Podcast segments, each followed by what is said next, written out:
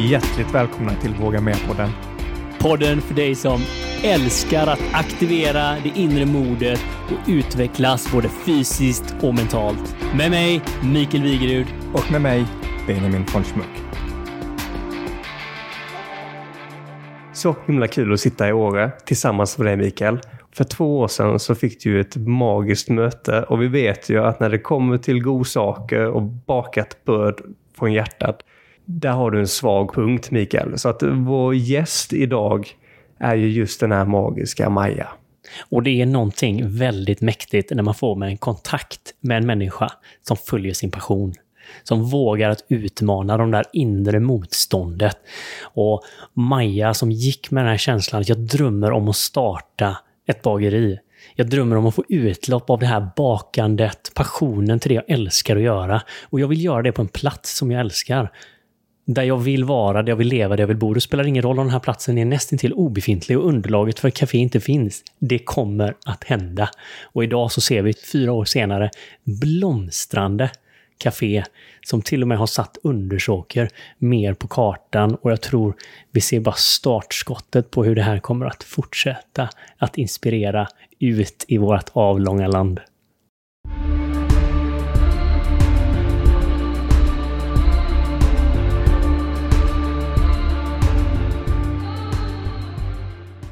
Men Maja, hela bakbiten går ju tillbaka flera generationer. Och du valde att liksom, jag kör vidare på detta. Nu kör vi. Ja, alltså det, det var verkligen så det började. Eh, bakat mycket som liten med mamma och med mormor som vi bodde i samma by som, eller här i Undersåker. Eh, jag kommer ihåg ett väldigt sånt starkt minne är när jag ska ta med mig fredagsfika till klassen när man är 8-9 år. Och mormor säger ja, vi bakar biskvier.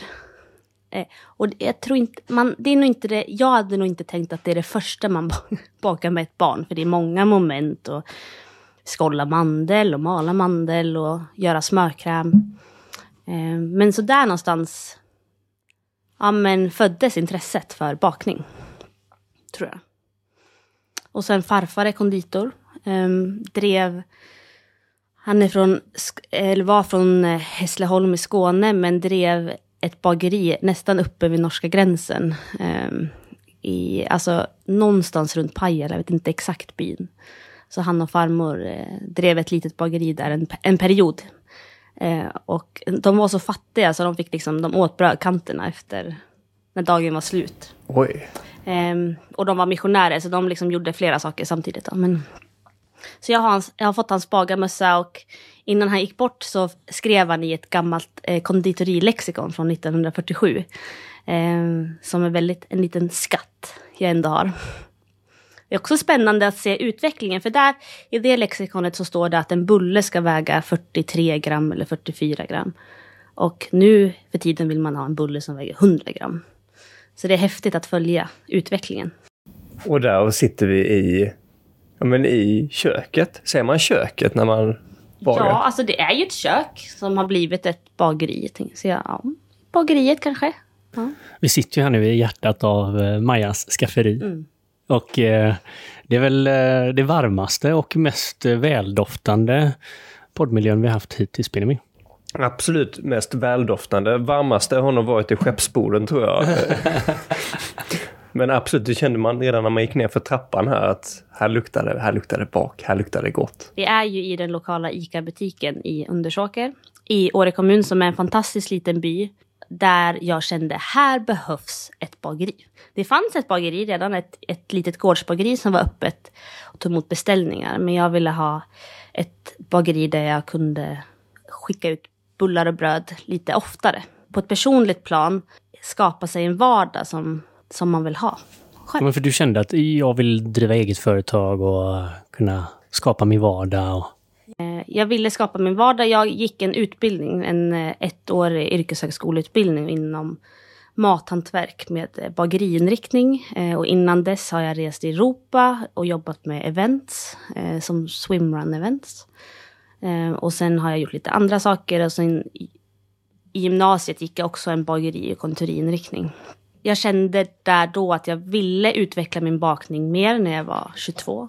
Um, så då gick jag den här ettåriga utbildningen och tänkte nu ska vi starta bageri. som tur är hade jag, eh, eller min pojkvän då är lika dum som jag som sa ja det är klart vi ska starta bageri. Det är ju underbart svar ju. Ja men det är klart Benjamin, vi ska starta bageri. Tack för inviten Mikael.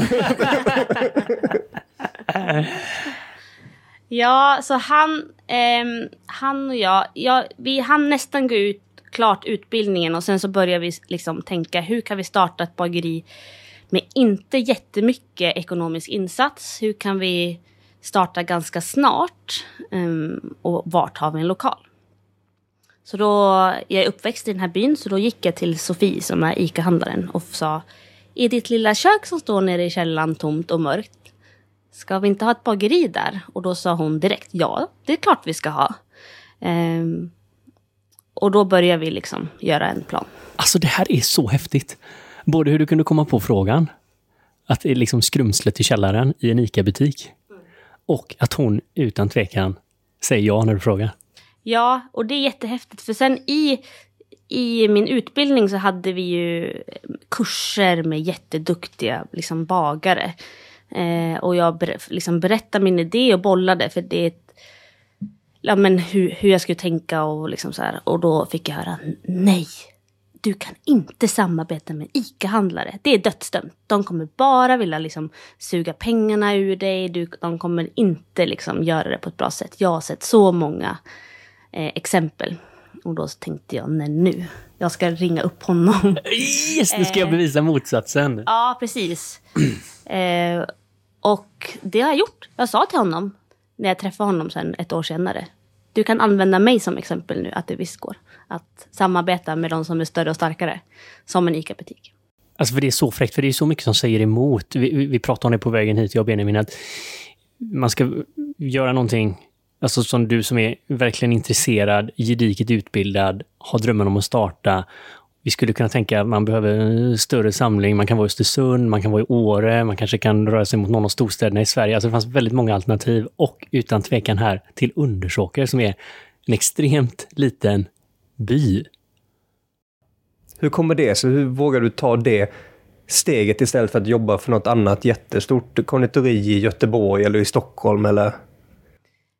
Ja, jag fick, när jag gick min utbildning gjorde vi mycket praktik. Ehm, så jag fick anställningserbjudanden både från ja, men, bagerier i närområdet men också om jag ville komma till Oslo och jobba.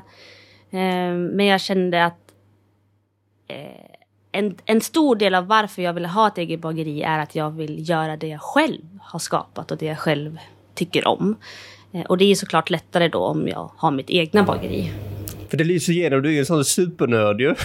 ja, faktiskt.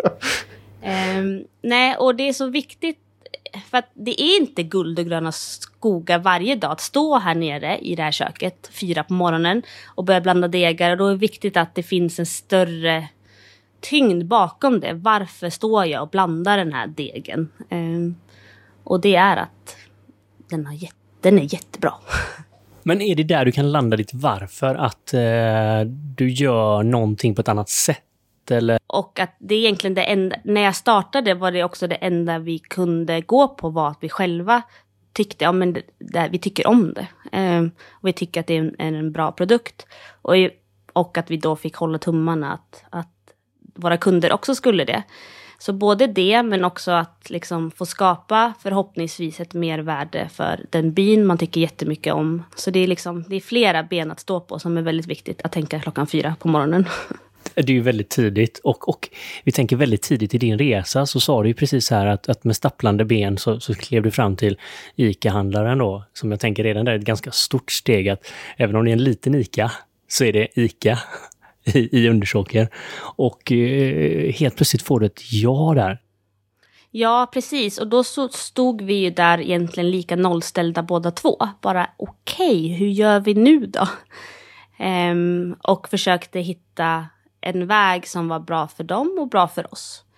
Ehm, och vi ville starta med ganska små medel. Så då sa vi, ja men då hyr vi den här lilla lokalen som är på typ 15 kvadratmeter av ICA. Ehm, och då eh, måste vi fylla den. Vi måste ha en ugn och vi måste ha det ena och det andra. Så då scrolla blocket, hit, hitta, hitta utrustning. ehm, och ja, men, ha fantastiska vänner som kan bygga bakbänkar och eh, ja, men, sy jäsdukar och liksom sådär. Nu sitter vi och kollar runt här i köket, jag och Mikael. Väldigt stora ögon. Hantverk. Hantverk, precis. Ehm, så det tog ju, vi, jag tog kontakt med Sofie då, ICA-handlaren, i maj 2019 och 3 augusti startade vi. Det var blixtfart där från beslut till öppning. Ja, och också då börja googla hur startar man ett företag? Eh, vad är ett eh, livsmedelstillstånd? Eh, vad, ja, ja, men det är många, många delar liksom. Men jag, min pappa har drivit företag hela mitt liv. Eh, jag har eh, fyra syskon, varav tre är egna företagare. Så, och många vänner är också entreprenörer, så det är bra. Jag har många axlar att luta mig mot. Men det finns en eh, sprudlande entreprenörsanda här i trakterna väl och i Jämtland. Och... Det gör det. Eh, jag tror att det lockar att skapa sig sin egen vardag. Att kunna välja. Att gå upp klockan fyra på morgonen. Exakt. Eh, det är otroligt. Men jag kan, om jag vill, jag gillar att sova också, men vara i backen sen klockan 11 eller 12. Om jag har tur.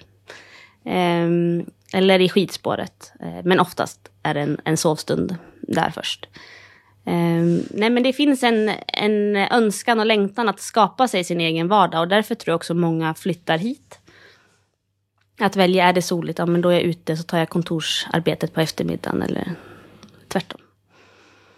Det är väl någonting som har spridit sig som en, en eh, pandemi, höll jag på att säga. Men, men den här, I samband med pandemin, just den här längtan där kanske storstäderna för första gången på länge i Sverige gick ner lite grann i status och livet utanför städerna med naturen, med vädret som du säger, fick en helt annan alltså längtan hos mycket människor. Att komma bort från bara sitta på kontor, kontor och Ja, verkligen. Och vi hade ett sånt exempel här. Eh, det var eh, två vårar sedan. Det var en jättefin eh, tidig aprilmorgon. Jag hade bakat, det var, ja, det var en fredag. Jag hade börjat förbereda för morgondagens bullar. Så det var ja, men 15 kilo vetedeg som sen på eftermiddagen står helt klart i kylen och jag inser att det är inget socker i de här bullarna. Eh, då tittar jag på Gideon och sen så eh, börjar vi scrolla på väderleksrapporten. Så bara strålande sol, vindstilla. Vi stänger imorgon. det är helt underbart ju. Ja. Så det är också lyxen. Kanske inte ur ett ekonomiskt perspektiv toppen i det. Men eh, om jag vill så kan jag. Jo men alltså livet, ibland har man ju inte med den ekonomiska kalkylen. Nej, och det är väl där, det är den biten jag arbetar med mig själv verkligen varje dag. Att försöka tänka ekonomi och tänka de andra delarna är så mycket roligare att tänka att man gör någon glad eller att någon får det de önskar. Eh, att man har tillräckligt med smör. Vi gillar smör i bullarna till exempel. Men just ekonomin är väl det mindre roliga. Men just ekonomin är ju A och O. Och speciellt om man startar något nytt. För att någonting som är en dröm kan bli en mardröm. Um, hur har det gått för er nu sedan 2019? När vi startade så, liksom att få igång bageriet kostade oss 120 000 ungefär. Ja, för du sa att du vill starta enkelt med mindre investeringar. Precis, inte gå in med lån eller liksom eh, andra som står med pengar åt en, utan vi ville försöka liksom hur, hur litet kan vi börja. Men det här är ju genialiskt. Alltså, startup-trenden, man pratar mycket om MVP idag, alltså i, i företagen, minimum valuable product, alltså hur kan man få ut det minsta möjliga så att man kan testa mot marknaden? Och, och det låter som du bara hade det i blodet. Eller inte pengarna. Kanske det är bra i det hela. um, det blev startskottet. Det blev startskottet. Det, det var liksom, de pengarna kunde vi ta, plocka in igen um, innan jul det året. Så det var ju jätte, jätteskönt och stort. Eh, nu har vi en anställd och så är det jag. Min Gideon var här i, min sambo var här första ett och ett halvt åren, jobbade han också i bageriet. Sen insåg vi, att det blir lite bättre hemmaekonomi om han går tillbaka till att snickra. Det blir lite kaka på kaka så att säga. Ja, kan man säga. Och han påstår att det är jätteskönt att snickra istället för att vara med mig på dagarna. Ja. Jag förstår. Förstår vi faktiskt inte Förstår alls. inte. Alltså. Nej. Men eh, hur, ta oss med till den här öppningsdagen egentligen. När, eh, vi kan ju nästan känna pirret. Att, att du ska öppna ett bageri. Visste du vad som skulle hända? Nej, jag hade ingen aning. Vi sa, ja men vi bestämde datum, det här blir bra. Vi hade provbakat lite innan. Eh, vi sa det innan, jag hade köpt 30 jäskorgar. Tänkte hoppas att jag inte tar i. Och jäskorg är vad då för någonting? En korg där man jäser ett surdegsbröd över natten. Är allt, all deg surdeg? Eh, alltså all bröddeg är surdeg här. Eh, sen har vi jäst i bullarna. Ja, Okej, ja. Nu hänger jag med. Nu hänger med. Mm. Eh, så då, ja, men då bakade vi en del och tänkte att ja, det här blir bra. Och sen visste vi inte, ja, men hur ska vi sälja det? var ju också en fråga då. För vi står i ett litet kök som folk fortfarande tittar in här nere i källaren och bara, nej men är det ett bageri? Eh, så att vi är lite gömda här nere. Och insåg, ja men vi kan inte, ska vi ha en egen brödbutik? Ja, det är nog inte optimalt. Så då sa vi, men vi säljer via ICA-butiken. Eh, så då började, fick min pappa, han fick liksom skruva ihop en liten monter lite snabbt. Ehm, och sen så, ja men så tänkte vi, ja men vi säljer via ICA-butiken. Så då laddade vi upp den då på morgonen. Hade en riktigt bra första dag, det var väldigt fina bröd, det var väldigt skön känsla. Ehm, och eh, bullar. Och det kom, jag hade bakat 30 bröd då. Och jag tror det kom 350 pers. Hur får 330 pers reda på att det finns nybakade bröd i källaren på ICA? Ja, nej, oklart faktiskt. Men det spred sig väl. Det fanns en önskan och en längtan, tror jag. Eh, och eh, en, en vän sa till mig att han, när han skulle komma in och svänga in här, då var det liksom det var den första bilkön vi har sett i Undersåker. Liksom. Det var bilkö till ICA-butiken. Men alla fick ju som sagt inte ett bröd då. Så det här, du hade tagit i med dina 30 jäskorgar. Ja, men jag fick eh, liksom nu, det blev 120 sen då. Så vi, i alla fall. Sådär. Men det här är så fascinerande för att i alla tvivel och, och du röstar ditt mod och så tänker man hur mycket kan folk önska det här och så på något sätt så är det som att få saker som människor älskar så mycket som fint, genuint hantverksbakat bröd. Ja, nej det är jättehäftigt och det var jättemycket tvivel och stress och oro. Är, är det en bra idé eller tänker vi rätt? Finns det en efterfrågan? Finns det en önskan? Eh, för vi är ju ingenting utan våra kunder. Då, vi kan ju stå här och baka men det är tråkigt. Lägga allt på, på hög. Um, så kunden har ju en jättecentral roll. Um, och som att vi utgick, liksom, vi skapade våra recept och våra produkter utifrån vad vi själva tyckte om. För det här med att man har sin smak och sin stil. Var det samma för kunderna? Kände kunden att ja, men det här är det vi vill ha? Eller har kunderna sagt bara nej men jag tycker inte du ska ha blåbärssylt, du ska ha lingonsylt istället? Ja, alltså det, det, det kan jag också säga att det finns en variation av kunder. Så är det ju. Jag ser det på ögonen. eller? Och det, ibland liksom går vi in i diskussioner men jag, jag kan vara jätteosäker på väldigt många plan och ha väldigt dåligt självförtroende och sådär. Men, eh, och man står och kliar sig i huvudet, gör jag rätt? Men just i bröd, liksom, ja, men, i, i den produkten vi har skapat så känner vi ja, men, ungefär så här vill vi ha den. Sen finns det, som i alla yrken, det finns på, på, liksom förbättringspotential. Det finns, man kan bli bättre och duktigare och skickligare. Eh, och det jagar jag ju såklart hela tiden. Men grundprodukten har vi, det tycker jag ändå. Så är det någon som kommer att kritisera semlorna och ber om att få samma mandelmassa som de har i semlorna på Coop. Ja, ja det, sådana finns. Och då, Som jag fick lära mig av dig igår hemma, att, att det är inte ens mandelmassa. Nej, oftast inte. Nej, det är ett substitut gjort på aprikoskärnor till störst del. Då, Eh, då, då kan man få köpa sin semla på Coop istället och Ja. så får man gå härifrån. Precis. Och det är samma sak här på ICA-butiken så finns det då ett bake-off-sortiment som de alltid har. Och då många som, som eh, många av mina stamkunder liksom, liksom höjer näven i luften och bara varför finns det bake-off här? Men det är olika kundgrupper. Vissa vill ha det också. Eh, och det finns något, något för alla.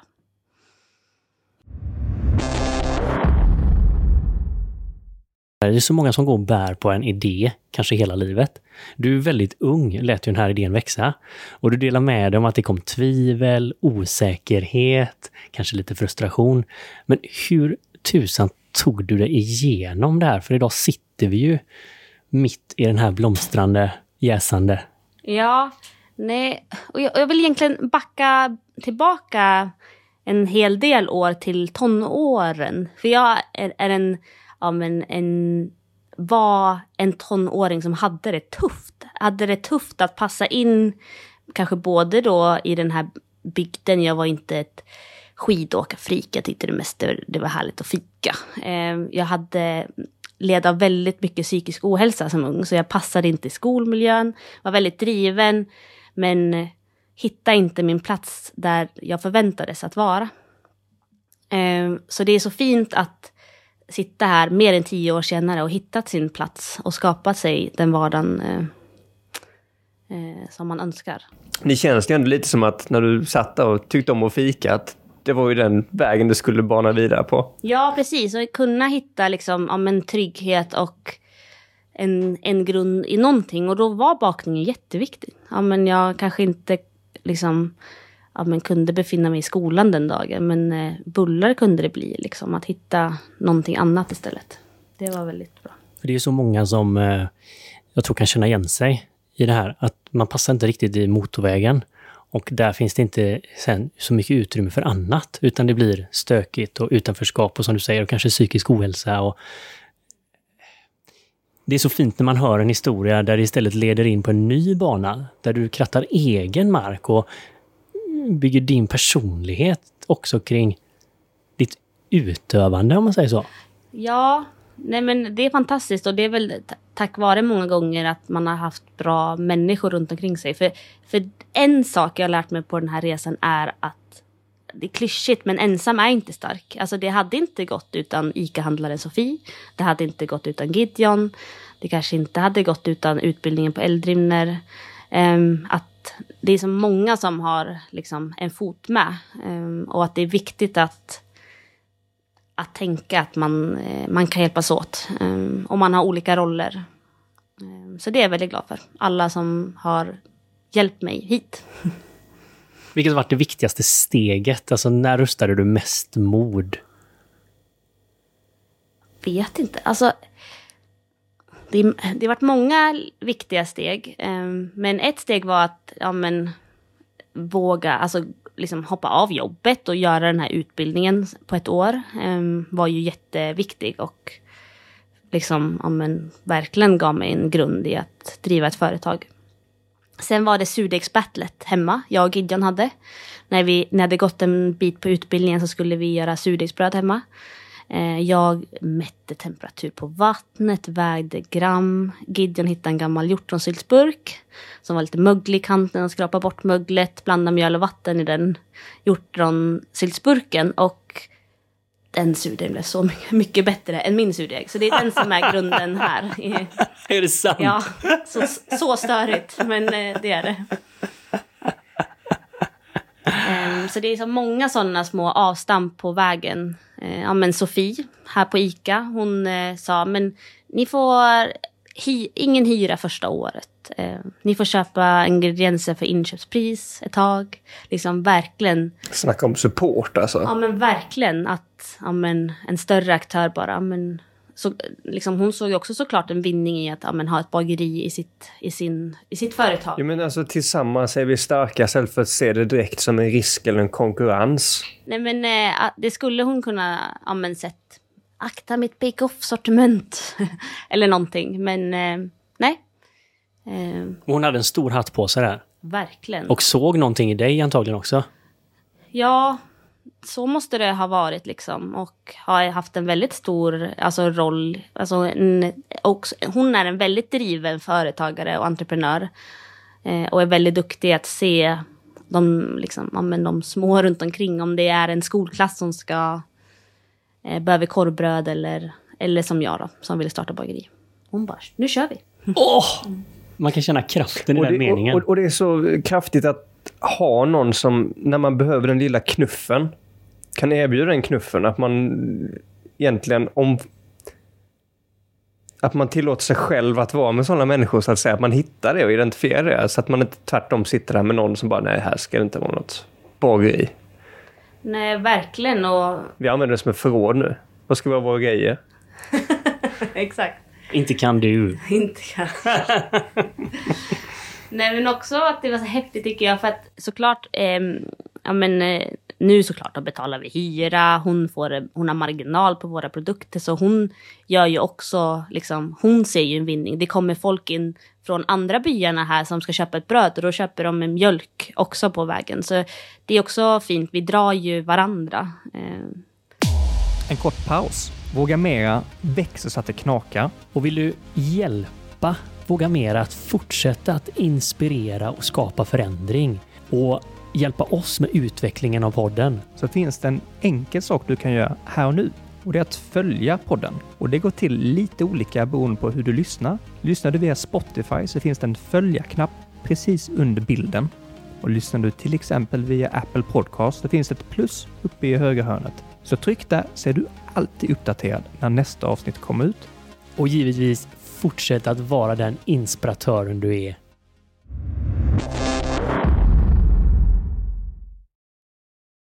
Man har sett en bild där du har en semla på armen.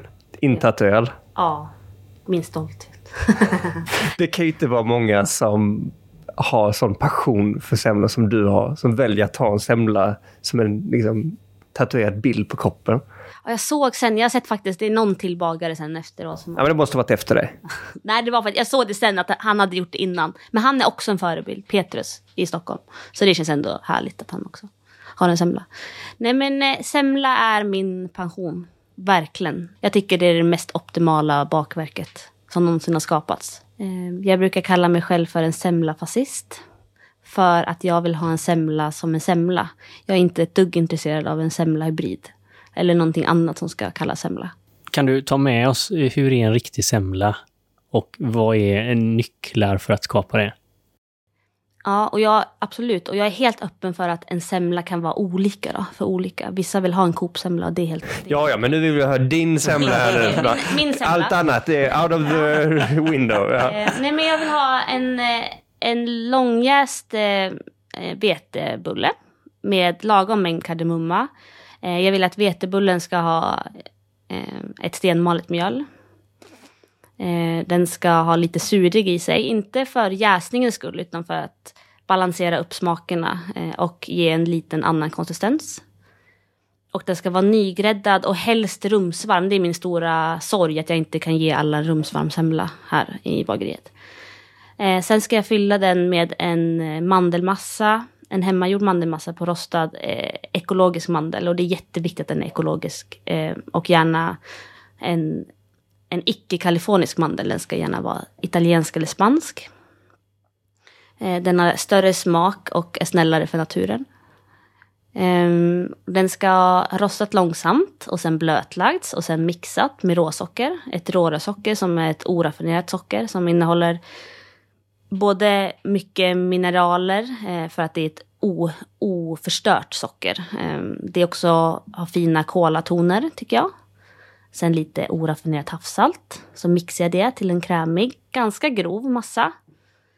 Som jag sen blandar med lite inkrom, precis som mormor gjorde ni vet. Eh, alltså lite bulle och lite mjölk. Så det här klassiska när man gjorde ett hål i bullen Exakt. och tog ut lite? Ja, precis så. Och sen eh, så, så liksom har jag i det då i min, min, eh, van, eller min vetebulle. Som också har ett runt lock. Det är väldigt viktigt för mig. Det ska vara ett skuret lock med kniv. Det ska inte vara klippt som ni vet de här trekantslocken. Eh, och sen på mandelmassan ska jag spritsa eh, en eh, fluffig klick grädde. Lagom vispad. Inte för lös, inte för hårt, mittemellan. För det ska ändå, om man vill, så ska man kunna stoppa sin semla i ryggsäcken och ta med den ut på fjället. För det är lite inne nu med väldigt lös grädde också ser jag på vissa... Ja, det ska vara väldigt löst och det är jättehärligt att äta i stunden. Men liksom ur en förvaring och fraktsynpunkt är det svårare. Men såklart så ska den vara så lös att den inte har blivit grynig. Eh, och sen uppe på den fluffiga grädden ska det vara ja, med det runda locket. Och sen lite florsocker på. Mm, det är den bästa semlan. Och ätas rumsvarm.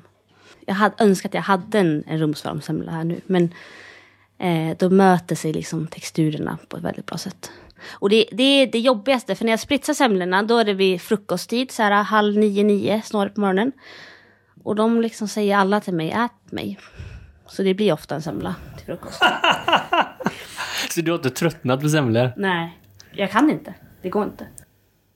Vad är grejen med hantverks, hantverksbagerier? För vi kommer ju från en trend där det har varit ganska mycket maskinbakat och det har hänt mycket på mjölsidan och allt sånt. När du säger hantverksbageri, vad, vad går man in i för miljö då? Vad är det som ändrar sig egentligen med ingredienserna? Nej men det är liksom hela, hela vägen ändrar sig. Hur man brukar definiera ett hantverksbageri är att handen är med i varje process i princip. Att ja, men både vid eh, kanske då det är en, en bonde som har eh, odlat ett spannmål. Han vet exakt vilken, det står på mina mjölsäckar vilken åker eh, det spannmålet är, är odlat på. Man, eh, vid kvarnen har de sten, stenkvarnar. Det enda mätinstrumentet, jag var där och hälsade på, och det enda mätinstrumentet de hade för att se malningsgraden, alltså hur fint mjölet var, om det var korrekt, var handen. Så de kände med handen eh, om det var tillräckligt fint. Och sen får jag mjölet hit då. Och då, eh, här blandas det. Eh, våra degar blandas för hand. För vi tycker att det är lättare och bättre. Eh, det är ett mjöl utan tillsatser, inga onödiga kemikalier. Det är jättemånga bitar. Vi skulle kunna ta typ fyra podcast bara mjöl. Men det är så intressant för det är fortfarande, jag skulle tänka att vi, vi, om man tittar gemene man så är man ganska outbildad kring mycket råvaror, även om det är en stor trend. Men mjöl är kanske fortfarande, man går till sin butik, väljer det där röda paketet och går hem. Eh, verkligen. Eh, och jag tror, vi människor är, eh, vi, vi är vana djur. Vi gillar att göra som vi alltid har gjort, eller som vi tycker är lätt. Och det som är en fördel att välja ett paket i en ICA-butik är att du kommer kunna uppnå exakt varje, samma resultat varje gång. För du har ett mjöl som är industriellt framtaget, så du, det funkar på exakt samma sak. Man tillsätter askorbinsyra som gör att det alltid blir ett bröd, eller det alltid blir en bulle. Eh, Medan mina mjöler eh, innehåller inga tillsatser. Och det gäller då att bonden har skördat spannmålet vid exakt rätt fuktighet i spannmålet en solig dag. för att det inte ska liksom tappa eh, bakegenskaperna. Och sen att det mals då på rätt sätt. Så här i bageriet så står vi varje dag och kliar oss i huvudet. Har vi tillräckligt med vatten? Behöver vi mer surdeg? Eh, längre jästid, mindre jästid för att uppnå då det resultatet vi vill. För man bjuder in naturen på något sätt. Det är inte helt fast. Alla komponenter är inte identiskt lika. Nej, precis. Um, och ja, men är det en varm dag? Eh, är det 20 minus ute? Det är liksom, vi ser jättestora skillnader. Är det fuktigt? Har det regnat mycket? Hur beter sig surdegen? Ja, men det är väldigt mycket, liksom många parametrar vi använder varje dag. Men med det sagt är det inte... Det är ju, man kan också välja att lägga det på en nördig nivå eller en vanlig nivå. Så jag, alla kan baka surdegsbröd, 100 procent. Hur är det med, eh, om vi pratar just mjöl och bröd? För det finns ju liksom, om man kollar på att skapa eh, en inflammation i kroppen så att man får i sig saker som inte är bra. Man kanske inte riktigt förstår varför man inte mår så bra. Och så finns det en hel del ja, men, eh, helfabrikat och halvfabrikat som innehåller Eh, egentligen direkta ämnen som skapar inflammation i kroppen. Och det är inte så att man kanske känner det direkt eller att man ser det, men det ligger över en som ett tungt täcke. Um, är det någon större skillnad där på eh, icke-halvfabrikat till eh, halvfabrikat? Det är en jättestor skillnad på från produkt till produkt. Eh, och det är en trend vi har sett nu att spannmål har fått en ja, men en, en sämre hälsostämpel. Jo, men bröd har väl varit lite på shitlist. Alltså, undvik bröd så blir du smal och undvik bröd så blir magen bättre och undvik bröd så... Precis, och ska du gå på diet så är det första man tar bort brödet ja. eller pastan. Eller så eh, och det, det är klart att det, att det finns saker i det, men å andra sidan så har vi odlat eh, odlat spannmål i typ 8 till 10 000 år. Så någonting måste väl vara rätt från början. Eh, och där är det jättestor skillnad på vilken råvara du använder, vilka processer som gör att det framställs till ett bröd. Eh, nu använder vi ett bröd som exempel. Eh, och då finns det vissa, eh, vissa saker som är jätteviktiga. Då är det till exempel ja, men såklart eh, vilket spannmål. Då kan du ha, för att minimera inflammationsrisken ska du ha till exempel ett kulturspannmål och kulturspannmål är, ett, är de gamla sorterna. Så till exempel på vetesidan har ni säkert hört talas om dinkel, emmer, enkorn. Så man ska baka bröd eh, hemma till sina barn eller till sig själv. Om man ska göra det enkelt när man ska stå och välja det i butiken. Om man säger jag vill ha så nyttigt bröd som möjligt, jag vill undvika inflammation. Hur navigerar man det då? Men då försöker du, antingen så står du där i din butik och sen så ser du, ja men salt och kvarn är ett bra. Stenmalt. Stenmalt är mycket skonsammare. Eh, det gör kärnan liksom lättare liksom faller sönder på ett skonsammare sätt. Det finns ett annat malningssätt som heter valsmalet där man krossar kärnan. Det är liksom lite, lite sämre. Eh, så välj gärna salt och kvarn. Välj gärna dinkel. Välj gärna där det står fullkorn. Ska du steka pannkakor till frukost, gör smeten kvällen innan är en sån. Eh, tid har en jättestor eh, liksom inverkan på hur din mage kommer hantera till exempel ett bröd då, eller en paj eller en pannkaka. Jaha, för här tänker jag att många kanske säger åh jag måste slänga ihop någonting, jag vill baka och sen så ska allting gå undan och man ska gärna äta det om, efter två timmar. Ja, precis. Och det är där det stora problemet som vi ser i det industribakade idag. För det var revolutionen, industrirevolutionen och allt skulle snabbt, smidigt och eh, billigt. Eh, och då var är det liksom, ja men i ett bag, industribageri idag så ska det liksom ta tre timmar och sen ska brödet i princip vara fryst. Eh, så tiden har en jätteviktig aspekt. För det som händer när vatten och mjöl möts är med tiden att det, det, sker en enzymatisk nedbrytning av de enzymerna som hämmar kroppen för att kunna ta upp det som är nyttigt i ett mjöl. Alltså det finns mineraler, det finns vitaminer, liksom det som vi kan hantera i, i vårt tarmsystem. Ehm, så när det ta, får stå under en längre tid så betyder det att det försvinner de här enzymerna som gör att våra mage bara, åh oh, nice, tack, det känns som var och en kollar så har man bekymmer med magen. Min mor har bekymmer med magen. Jag kan ha det själv. Min sambo har det.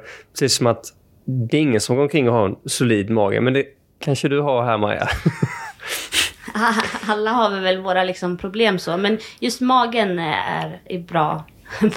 så om vi ska koka ner det i, i, liksom två eller tre man ska tänka på då. Om man ska testa ett annat typ av bröd eller annan typ av pasta. Då ska man gå på? Ett långjäst bröd en bra råvara och gärna surdeg. Då kommer man långt. Eh, sen är det beroende på vad man har för problem. Och det finns ju, man kan vara intolerant och då ät, kan man inte äta gluten, till exempel celiaki. Men har man en känslig mage och vill våga prova, prova ett surdegsbröd. Eh, och ett, gärna ett, när man har en känslig mage så kan fullkorn vara lite kämpigt. Så börja i så fall med ett, ett, ett siktat eh, bröd. Gärna dinkel. Och man kan börja experimentera lite hemma också som du säger. Du pratar om pannkakorna som är klassiskt. Att då kan man byta ut mjölet. Ja, precis. Och ta då dinkel gärna. Ehm, och har man då kanske inte så mycket problem med magen, men stoppa ner lite fullkorn. Man kan lura sina barn kanske att det inte är fullkorn. Ehm, och låt den gärna, men om man vill vara riktigt liksom, ha en guldkant, ja, men låt den, gör den på kvällen innan. Och låt den stå över natten. Vi fick in en lyssnarfråga faktiskt igår när vi berättade att vi skulle spela in det här samtalet. Och det var okej, okay, om, om man bakar och man känner att det här håller på att gå snett. Finns det något knep man kan ta till för att rädda upp det? Ja, men det går alltid. Alltså, det är det som är häftigt. Vi är nästan ingesvinnar i bageriet. För vi kan alltid använda produkten i någonting. Känner man att ja, bullen blev lite torr. Hacka upp den och göra skorpor på den. Känns stegen, surdegsbrödstegen lite för lös. Ja, men lägg det i en form. Och grädda den i en form istället. Um, så det finns alltid. Och, eller är surdegen inte pigg nog, ja men gör pannkakor på den. Så det finns alltid, all, finns alltid en, en väg ut. Och så hon var ganska rolig den här tjejen. Så bara, åh men du måste fråga Maja, vad är hennes hemliga ingrediens? Ja, men kanske, inte säga, inte bristen på ingredienser, men att det inte är så många. I våra bröd är det mjöl, vatten, salt. Och att det är då tiden och en riktigt glad surdeg som får göra, göra jobbet. Och sen såklart när, vi, när det kommer till bullsidan, som också är liksom en stor passion, så är det ju, där är det i alla fall inte brist på smör, det kan jag säga. Riktigt smör. Alltså Maja, jag har ju min eh, morbror Thomas, han är ju konditor och varit det hela sitt liv. Och eh, när jag var ung så fick jag praktisera hos honom. Och, och sen på äldre dag så har vi haft ett eh, eh, litet hemligt projekt och jag känner det, det vibar lite på, på samma grej där. Och eh, Thomas han älskar ju kakor då och eh, precis som vi väcker autentisk bakande till liv så, så har han och jag då försökt att rädda den äkta massarinen. Och, alltså, det kan vara så att det finns ett litet Youtube-klipp på detta. Men, men eh, du bjuder ju på massariner här idag också. Först måste jag säga att morbror Thomas låter som en otrolig människa. Ja, han är fantastisk. Ja. Alltså verkligen en inspiratör för mig. Ja, och eh, jag kan se vissa delar i honom som kan se dig också, den här passionen till sitt yrke. Och eh, den glädjen att uttrycka det. Och det är någonting som jag hittar i så få människor idag. Nej men det är roligt och det är kul också att få berätta om sin passion och sina val. Och ibland så vinner det att våga. Eh, att våga gå sin väg, att våga tro på sin dröm. Eh, för ibland bär det. Och ja, nu sitter jag här, inte superrik, men jag är rik på andra sätt. Ja men herregud, hur gammal är du? 28. Japp. Vi kommer att få se mycket mer av dig innan det är dags att plocka fram det orangea kuvertet ju. Ja, det är, det, det är ingen idé att öppna än, jag. Men hur tänker du? Vill du dela med oss någonting? Har du några tankar framåt? Eh, vad tror du kommer hända? Framåt så vi håller verkligen tummarna och tå. Vi jobbar på att eh, kunna utöka vårt bageri. Eh, stanna i Undersåker men skapa en mötesplats. Och det har vi jobbat med vid sidan om att driva bageriet nu i typ ett års tid. Ehm, så vi jobbar på att få klarhet nu att kunna öppna i grannfastigheten istället. Eh, och då kunna erbjuda en mötesplats. Förhoppningsvis en riktigt schysst eh, frukost. Eh, och man kan langa ut du vet, bullpåsen och fönstret till tågresenärerna. Eh, samtidigt som vi fortsätter vårt ICA-samarbete och säljer här. Så det är det vi jobbar med liksom, framåt just nu. Ehm, jag vill också kunna utöka, liksom, ja, men, att in, fortsätta inspirera, att kunna hålla kurser, workshops. Jag samarbetar ganska mycket då med Eldrimner som är ett resurscentrum för mathantverk. Där jag tillsammans med dem håller kurser i både för sådana som vill bli bagare men också sådana som har ett brinnande intresse. Ehm, så vi håller tummarna för framtiden helt enkelt. Och så kan man såklart köpa din bok, Jakten på den perfekta semlan. Ja, precis. Den släpps nu här idag. Om den inte är ute redan så hoppas vi att den skrivs snart. Ja, På Adlibris om 15 månader. Ja, precis. Ingen pressure, det är så vi gör podden.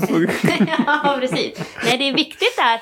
Alltså, jag tror ändå en stor del är att, att våga är att liksom, ja, men skicka ut där. Ja, men det här vill jag. Eh, jag gillar, ja men kommer någon och frågar hur ska jag göra mitt bröd? Jag berättar gärna, skicka med, behöver de en jäskorg, varsågod, behöver de surdeg, varsågod. Alltså att inte ha hemligheter och att skicka ut liksom i framtiden, ja men nu vill vi ha ett café, vi vill träffa våra kunder, ja men då förhoppningsvis händer det också. Då får man jobba. jobba. Att inte hålla det in utan tvärtom exponera vart man vill. Ja, precis. En, en till sak jag också tänker på som jag också har landat i att att våga är också att låta vägen vara drömmen. Mm, jag liksom tänkte vi starten, men det är, inte, det är inget drömscenario. Det är, jag är på väg dit. Eh, och att det också kan få vara en drömsituation, att vara på väg till sin dröm. Det tycker jag, jag kan landa lite i det. Att jag, allting behöver inte vara perfekt och ultimat, utan... Och vad säger du till dig själv när du möter motgångar? Ta en kopp kaffe först. Nej, men jag, jag, säger det, jag brukar få en, en, mindre livskris varje morgon när man står där. Det är liksom 20 minusgrader och man skrapar bilen halv fyra på morgonen. Bara, ta inga beslut innan första kaffekoppen. det är ju ett stalltips om något. Om man vill följa din resa man vill komma hit och testa brödet, var hittar man? Jag finns på Facebook och Instagram eh, under Majas skafferi. Jobbar på en hemsida, har gjort det i tre år. Kommer snart dit kanske. Ni hittar mig oftast nere då, i ett litet bageri eh, ICA Undersåker. Eh, så kom och säg hej.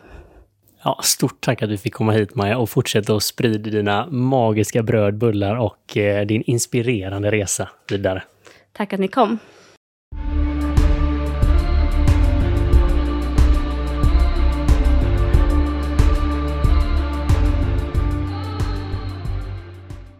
Du har precis lyssnat på Våga Mer-podden med mig, Benjamin. Och med mig, Mikael. Vill du höra mer av oss så måste ni ju såklart prenumerera på podden. Och det gör ni genom att ni klickar i den här klockikonen där poddar finns. Det brukar vara som en, en liten, liten, liten ikon. Så se till att ni hittar den så är ni med nästa avsnitt och nästa igen och nästa igen och nästa igen och ni är alltid uppdaterade. Och är det en sak som vi verkligen tycker om i Våga Mera-podden så är det ju att vi tillsammans engagerar oss. Så in på våra sociala kanaler, kommentera, dela och inspirera varandra. Ha en magisk vecka till nästa gång så syns vi snart igen.